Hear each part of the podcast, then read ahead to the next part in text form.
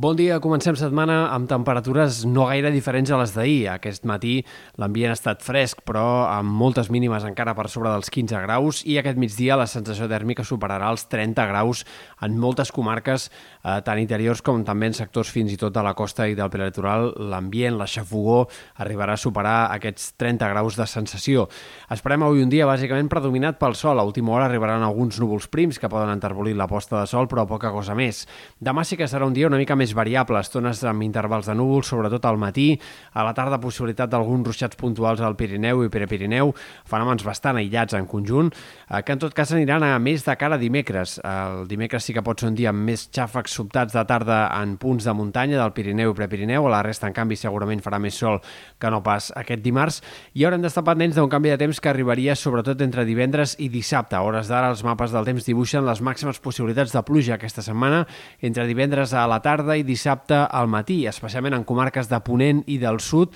tot i que encara hi ha força incertesa en els pronòstics i caldrà anar concretant tot això a mesura que vagin avançant els dies i les hores. Pel que fa a les temperatures, no esperem grans canvis aquesta setmana. Seguirem parlant d'un ambient clarament d'estiu els pròxims dies, amb sensacions tèrmiques per sobre dels 30 graus cada migdia, en alguns casos fins i tot a prop dels 35 en alguns punts de la costa, per tant xafogó marcada durant tota la setmana i en tot cas el canvi de temps que pugui arribar a l'inici del cap de setmana pot fer baixar la temperatura una mica més clarament en punts del Pirineu i Prepirineu, però en general sembla que caldrà esperar ben bé fins que enfilem el tram final del mes de setembre per veure una baixada clara dels termòmetres.